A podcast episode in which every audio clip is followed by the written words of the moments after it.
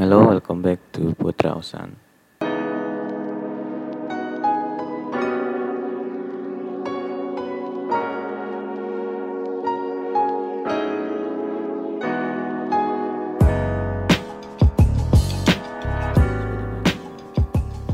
Kemarin yang podcast kemarin podcast 14 uh, sekarang tentang ambil kehidupan ya ambil kehidupan bisa dibilang kehidupan yang galau ya itu itu aja bosan atau segala macam.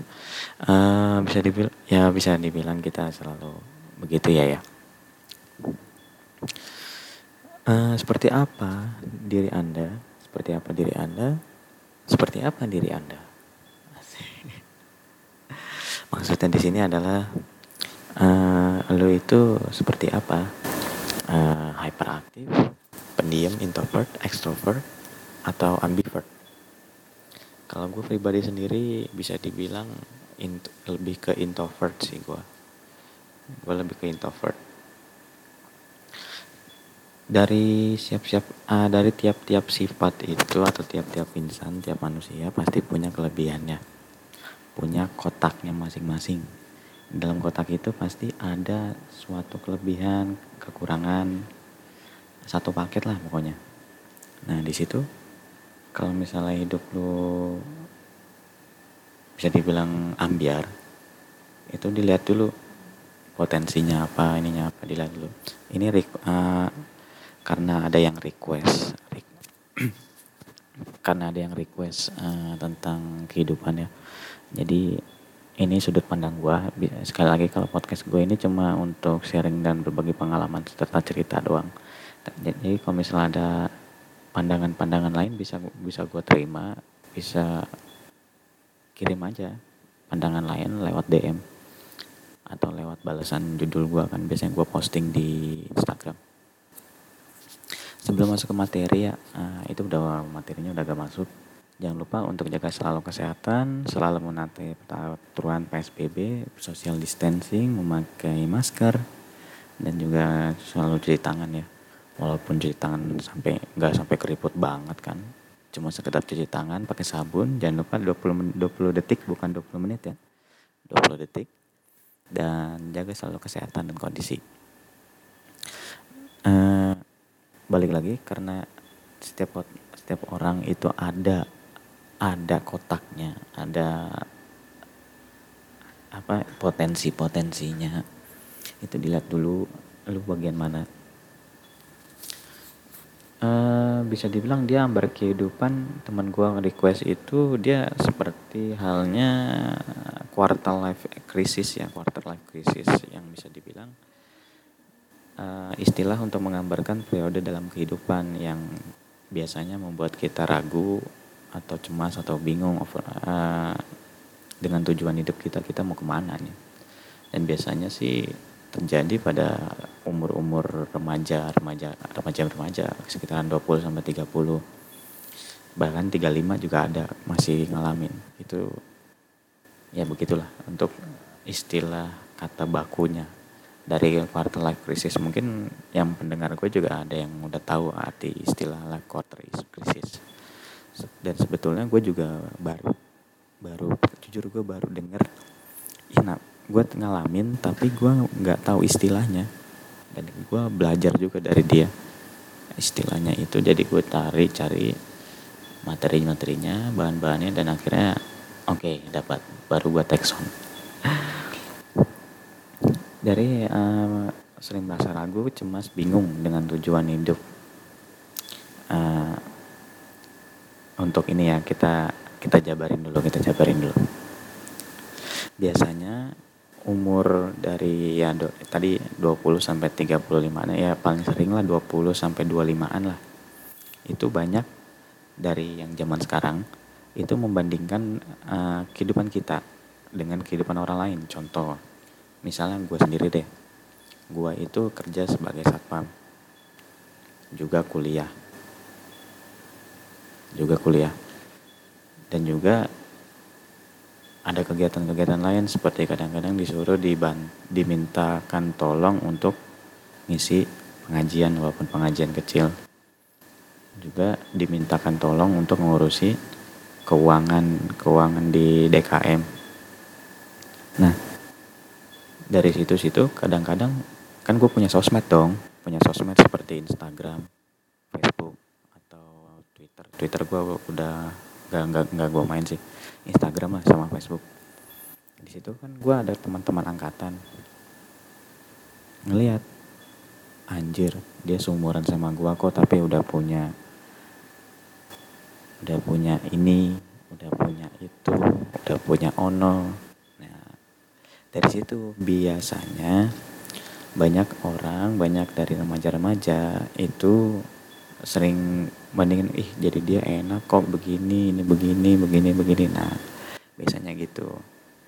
Mengakibatkan kita ragu-ragu untuk menjalani hidup kita. Yang kedua ini gue gue ringkas aja sih karena kalau gue panjangin kayaknya 25 menit nggak cukup. 25 menit gak cukup gue kalau ngebacot aduh aduh. Yang kedua adalah usahakan untuk tidak mengikuti standar masyarakat bisa dibilang uh, opini orang lah. Opini orang tuh bagus cuma kalau semampu lo segitu ya segitu. Contohnya uh, lo tuh harusnya eh gue tuh harusnya begini melakukan uh, misalnya ngelakuin pekerjaan selama uh, harus 100% gitu bukannya gak mau berusaha menjadi 100% untuk mengerjakan itu tapi udah berusaha 100% tapi lu cuma nyampe 80% atau 90% ya udah. Kalau opini gue begitu ya pendapat gue begitu. Standar masyarakat juga uh, lu emangnya begitu ya ya udah begitu. Apa adanya bisa dibilang kan ada orang-orang jadilah diri diri lu sendiri jangan jadilah uh, diri orang lain. Ya bisa dibilang seperti itu. Poin kedua.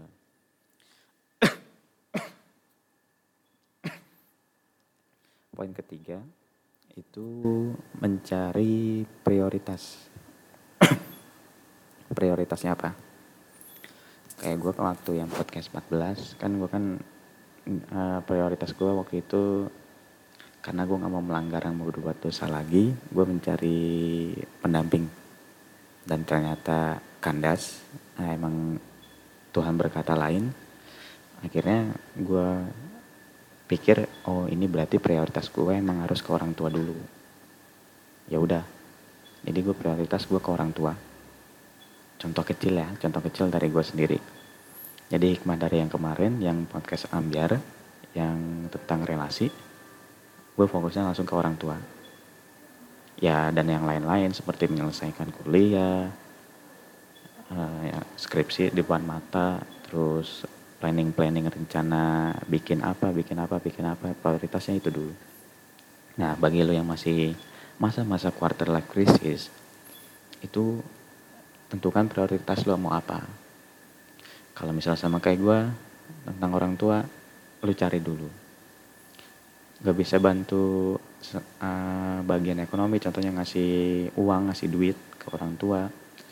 Bantu aja untuk membereskan rumah bantu masak bantu apa segala macam. Itu juga udah sangat ngebantu walaupun bantu bantu gitu juga bantu bener. Membantu banget itu mah seperti orang tua. Ya kayak contoh lagi deh gue gue bukan nyari ya nih ya bukan nyari ya banyak juga teman-teman kuliah gue bilang nggak nggak banyak sih gue bagi gue sih banyak sih. Lu di rumah ngapain aja sih? Sibuk banget. Sibuk emang. Kalau lagi sibuk sibuk. Kalau lagi enggak enggak kayak gue masuk pagi nih. Sekarang gue masuk pagi. Gue teksonnya ini pagi hari Senin tanggal 18 masuk pagi pulang. Pulangnya jam 4 jam setengah limaan. Sampai rumah jam limaan jam limaan langsung bantu nyokap entah itu beresin rumah nyapu ngepel atau bantu masak. Walaupun bantu masak cuma ngulakin bumbunya goreng bantu goreng. Kalau bikin gorengan bantu masak cuma numis oseng-oseng gitu doang. Bantu. Sampai akhirnya malam sholat uh, kalau belum puasa ya sholat buka buka sholat. Uh, eh, gue agak leha-leha dulu. Kadang-kadang waktu itu uh, ya leha-leha lah lihat-lihat HP atau lihat-lihat Quran baca-baca. Udah itu persiapan sholat taraweh di rumah. Udah itu udah. Bacaan. Nyiapin tidur buat uh, orang tua gitu gelar karpet. Kadang-kadang kadang-kadang kakak gue sih yang itu ini udah. Kadang-kadang juga gue ngerjain tugas ngerjain ini. Kadang main game juga main game juga kadang-kadang jarang sekarang. Ya begitu. Jadi tentuin lu prioritasnya apa nah yang ketiga eh yang keempat ya. Yang keempat cari suasana baru. Biasanya itu suntuk. Ya itu itu aja. Ya jujur gue juga suntuk sih sebenarnya. Pergi ke rumah eh pergi dari rumah kerja kerja pulang. Di rumah di rumah terus pergi kuliah kuliah pulang. Gitu aja terus. Jujur gue berputarnya di situ. Kadang pulang pergi ke masjid masjid pulang pulang kerja kerja pulang ke rumah. Gitu-gitu terus. Cari suasana baru. Misalnya lo kalau ya sekarang kan masih pandemi ya jadi tetap di rumah aja. Gue bukan nyuruh langsung ke layapan enggak. Maksudnya cari suasana baru misalnya ya contoh lah kamar lah. Dari kamar sendiri suasana baru atau mungkin ke kebun kebun lu kebun lu kalau misalnya ada ya bikin tempat nongkrong sendiri kan sambil nikmati senja asik sambil berbuka pengen nunggu berbuka di sana sambil ngangon ayam asik melihara ayam atau melihara peliharaan apa kan situ kan sambil nunggu-nunggu. Kan ada suasana baru lah intinya mah cari suasana baru yang bisa membuatkan lingkungan positif untuk lo itu yang keempat ya. Yang kelima latih kesabaran. Penting banget. Karena umur-umur segitu bergejolak banget emosinya. Kebetulan gue juga sama. Kayaknya banyak contohnya dari gue yang nggak apa-apa sih. Emang gue juga sharing kan. Uh, eh, gue dulu bukan nggak dulu banget sih beberapa bulan tahun 2019an kalau nggak 19 akhir. Uh, eh, gue pernah marah sama nyokap. Pernah marah sama nyokap tapi gue nggak marah ngebentak enggak. Gue ngelampias ngelampiaskan marah kemarahan gue dengan ngelempar HP gue sendiri untungnya HP gue tuh kuat untungnya alhamdulillahnya HP gue kuat itu Uh, jadi gue ngelempar dari jarak berapa ya? 10 meteran ada kali. 10 meteran, sekitaran 5 sampai 10 meter kalau nggak salah.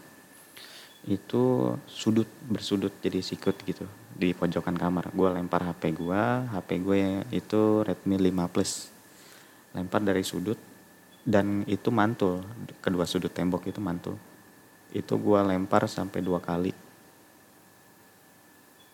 Itu waktu itu gue marah banget sama nyokap waktu itu. Ya hasilnya sih HP gue rusak itu doang. Tapi jangan ditiru ya. Jadi ngendalin amarah gue waktu itu memang lagi ya emang marahnya emang gue masih belum stabil. Jujur gue masih belum stabil sampai sekarang pun gue masih belajar untuk melatih kesabaran. Jadi kalau yang pendengar yang ini pendengar yang budiman asik.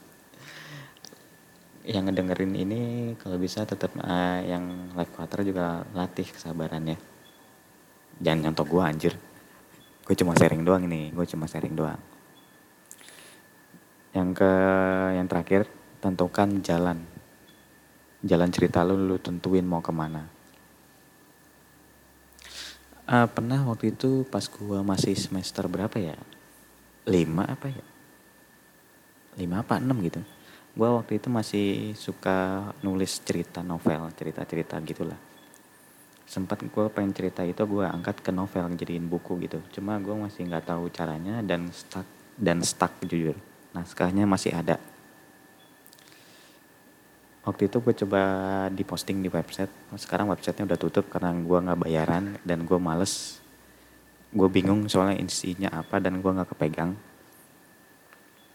Waktu itu teman kampus gue nanya kenapa masih kuliah di sini di jurusan ini? Jujur uh, eh, gue kuliah jurusan di sini dari semester 1 sampai sekarang kalau misalnya inti dari kuliah ini gue nggak bisa dibilang apa ya? Hampir nol bisa dibilang. Bisa dibilang sih cuma sebenarnya sih ada. Cuma rasa males gue yang tinggi untuk memahami untuk ke menjarus ke sana tapi malah gue ke yang lain. Bikin inilah bikin ini bikin ini bikin ini gitu. Jadi nggak kosong banget. Dia nanya gitu kenapa masih jujur kuliah di jurusan ini? Gue balesnya karena ada sebuah ada sebuah rahasia di dalam rahasia apa ya? Ada eh bukan karena ada sebuah cerita di dalam cerita. Tentu kan nah itu gue bisa gue jabarin tapi beda konteks ya beda konteks. Itu nanti aja. Nah karena tentukan jalan cerita lu karena lu adalah pemain utama dalam cerita lu you are the main role in your story. Ya walaupun deckingannya itu pemilik panggungnya Tuhan masing-masing ya pemain pemeran utama kan tetap lu ya lu mau ke mana ya tentukan sendiri. Pemain lu gimana? Ya dalangnya tetap Tuhan Tuhan tetap. Dannya tetap Tuhan dalangnya. Kalau kalau wayang kan da, bukan dalang ya dalang bukan sih namanya gue lupa. Ya pokoknya pemilik panggung lah. Pemilik panggungnya itu tetap Tuhan lu tapi tetap pemain utamanya ya lo itu ada satu cerita uh, peng, cerita sih bisa dibilang ini teman dekat gua teman rumah lah bisa dibilang. Dia juga sama bisa dibilang ya. Uh, ini bagi gue ini ada sangkut pautnya sama life quarter, uh, quarter life crisis. Jadi dia uh, beda dua tahun apa setahun sama gue ya gue lupa. Pada saat itu uh, zaman zamannya baru belum booming Facebook uh, youtuber ya. Sorry belum booming booming youtuber tahun 2015 apa 14 gue lupa. Eh 16 sama 17 gue lupa. Gue kan emang udah punya uh, akun YouTube tapi nggak nggak nggak intens bisa dibilang. Cuma sekedar pengen upload upload. Kalau nggak nggak. Karena emang topiknya apa dan bikin ngeditnya juga susah jadi kayak gitu. Balik lagi. Dia waktu itu iseng. Singkat cerita ya. Dia iseng bikin akun YouTube untuk ngikutin lomba. Lomba dari suatu makanan lah. Dia bikin stop motion. Uh, ya yang penting mah kan syaratnya itu masuk ke YouTube lah akunnya apa videonya yang diedit. Nah udah nggak beberapa lama dia upload tiga video. Ya intervalnya beda tiga, berapa hari gitu. Video pertama berapa sekian uh, udah diupload beberapa hari kemudian diupload lagi sampai tiga video. Cuma tiga video Gak beberapa lama kemudian dia dapat monetize dari YouTube. Gila nggak? Itu zamannya waktu itu. Gue waktu itu uh, dalam hati agak kecil hati waktu itu agak iri jujur. Gua udah lama aku, uh, bisa dibilang videonya juga agak lumayan banyak. Emang sih gua waktu itu cuma mikirnya gitu doang kok nggak mau notice mulu ya. Kalau dia udah. Gua tanda tanya besar dan agak iri benar jujur sampai pada titik oh ya udahlah itu memang emang rezeki dia gue bilang gitu. Rezeki dia ya udah gue jalan apa yang gue bisa. Udah gue jalanin aja. Nah tahun 2018 sampai 19 itu 19 awal nggak salah. Gue sempat gue tanya lagi kenapa akun YouTube-nya nggak lo terusin kenapa akun YouTube-nya nggak lo terusin? Padahal udah pernah dimonetize. Dia uh, jawab gue bukan bukan apa ya passion gue bukan di situ. Gue lebih suka berniaga kayak jualan. Dalam hati gue kayak gimana gitu ya? Dalam ini gue bukan masalah gue ngiri, ngelanjutin ngirinya dia udah dimonetize bukan. Karena ke depannya begini. Ekonomi atau bisa dibilang Eh, penghasilan lah berpenghasilan itu nggak cuma untuk berwujud berniaga. Jadi bisa dibilang apa ya? Lu bisa ngambil apa pun dan di mana pun mau dari hobi lu nge-youtube apa bikin video-video upload di youtube atau mungkin lu berjualan atau bermain sosmed semuanya tuh bisa menghasilkan asalkan lu tahu caranya. Walaupun sekarang lu kerja nggak sesuai passion lu ngelakuin apa nggak sesuai keinginan ya udah jalanin aja dulu. Contohnya kayak gue lah gue pengennya itu jujur waktu itu gue pengennya kerja kayak apa ya bisa dibilang? Uh, broadcast gitulah editing gitulah ya. Atau mungkin yang kayak agak office office banget lah. Tapi jujur gue jadi apa? Jadi satpam gue nggak nyambung emang nggak nyambung. Cuma ya ya udah jalanin aja. Emang bisa dibilang mikirnya udah lalu rezeki lu di situ dulu. Kalau lu pengen jalan nanti dulu lu tahan dulu lu lihat dulu. Lu kalau bisa lu doain dulu lu sholatin dulu. Syukurin aja apa yang punya. Cara dapatnya rezeki lu dari situ dari situ. Ini agak lebih ya Bentar. karena emang ada teman gue juga yang satunya gitu. Ada ini beda orang. Dia uh, kalau misalnya dengar dengar podcast gue ini juga buat masukan. Gini umur umur semakin lama semakin nambah. Uh, bisa dibilang ekonomi juga makin lama makin naik kan makin banyak kebutuhan. Kalau misalnya pilih-pilih pekerjaan sesuai passion itu apa yang mau lu dap uh, lu jual? Kalau misalnya lo ber, bisa berkeahlian ya bisa. Kemungkinan gede. Tapi kalau misalnya nggak punya keahlian uh, pikirannya gini aja uh, lebih baik kalau yang masih agak bingung untuk mendapatkan penghasilan mindsetnya diubah kerjain apa yang uh, bisa dibilang kerjain aja apa yang ada dan itu menghasilkan serta halal. Terserah kata orang apa yang tadi gue bilang. Terserah jangan ngikutin apa kata standar masyarakat. Gue gini-gini, gini-gini ya gue ya. Gue pernah jadi kurir apa tukang telur. Nganterin orang, nganterin telur gue pernah. Pernah gue ikut orang. Dagang juga, iya pernah gue juga dagang. Di SMP juga gue pernah dagang dagang nasi loh di SMP, dagang nasi kuning. Emak gue kan waktu itu kan jualan nasi kuning gue dagang di SMP berniaga gue dan itu ya masa bodoh omongan orang mau bodoh amat yang penting gue dapat duit gue bisa beli pulsa. Gue bisa beli HP waktu itu dari uang nasi. Uang nasi gue kumpulin pas SMP walaupun zaman dulu SMP-nya kan masih HP jadul ya kayak gitu tapi gue bisa dapat gue bangga dengan itu. Gitu aja lah. Gak usah gak usah pilih-pilih kalau zaman sekarang jujur. Karena emang agak susah.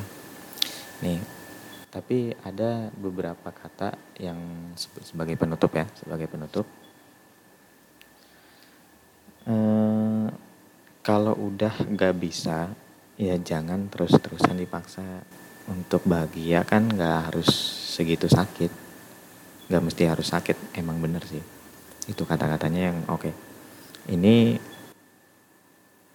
terserah sudut pandang mana tapi itu kata-kata gue bagi gue itu bagus kata-katanya terus yang untuk kata uh, quote yang kedua kalau dunia terasa berat urusan dunia ini pekerjaan kuliah apalagi usaha melamar cewek atau melamar cowok ya itu berat, tandanya lo itu beranggapan bahwa dunia itu segalanya. Gue bisa ngerasain sendiri sih. Dan itu terbukti. Terbukti. Cobain tips gue. Uh, minimal kalau misalnya lo nggak bisa menyandongkan tentang ibadah lo, contohnya kayak mau non muslim atau muslim yang dengerin ini, ibadah lo kalau misalnya nggak bisa diberatkan ya 8 9 nggak bisa 90 persen 10 persen nggak bisa ya udah 60 apa 80 persen ibadah sisanya dunia. Gitu aja. Ingat ikhtiar dan tawakal. Ikhtiar tawakal. Kerjakan dulu berusaha kemudian berdoa. Doain. Karena segala sesuatu yang kita lakukan itu menurut Tuhan baik akan dilancarkan akan dikembangkan akan dimudahkan kalau misalnya tidak ya tetap diterus dicoba. Apakah hamba ini sanggup untuk bertahan? Kalau sanggup ya Tuhan akan menggantinya kan? Benar kan? Kayak gitu ya. Dan kuat yang ketiga sebaik apa pun manusia sebaik apa pun manusia manusia itu tidak akan pernah terlihat baik di mata manusia ini konteksnya ya pandangan gue adalah emang benar. Dari pandangan gue dari sudut pandang gue itu benar. Karena walaupun orang itu baik dia ngelakukan kesalahan pasti kelihatan kesalahan. Padahal baik kebaikannya lebih gede. Jadi mungkin gue udah agak ngalor kidul sebenarnya sih ada ada beberapa lagi cuma karena makin panjang ini udah hampir setengah jam jadi gue akhirin dulu untuk ambiar kehidupan. Jadi untuk yang eh, life quarter quarter life crisis itu lu tentuin manfaatin apa yang lu punya atau mungkin hobi yang lu punya. Contoh eh, lagi gue tambahin lagi ya untuk nggak biar nggak ketinggalan. Kalau misalnya lu eh, apa ya jago pendiam gitu ya lu manfaatin sosial media jujur gue juga sama. Waktu itu bisa dibilang nggak banyak bacot. Tapi kalau misalnya di sosial media gue bisa alhamdulillahnya bisa dapat dapat dapat dapat relasi. Dapat relasi di situ lu bisa masarin di situ. Mau lu apaan kayak masarin uh, baju pakai uh, pakaian makanan apa segala macam bisa berniaga. Atau mungkin hal lainnya lu bisa masak jadiin aja didaftarin jadi by apa daftarin untuk ada terdaftar di GoFood atau Gojek. Gojek atau GrabFood ya GrabFood atau GoFood bisa. Atau mungkin hal lainnya banyak potensi-potensi kecil yang bisa lu mulai. Yang penting mulai dulu. Mau jadi podcaster? Boleh bisa bisa juga. Gue jujur ini gue Texon ini.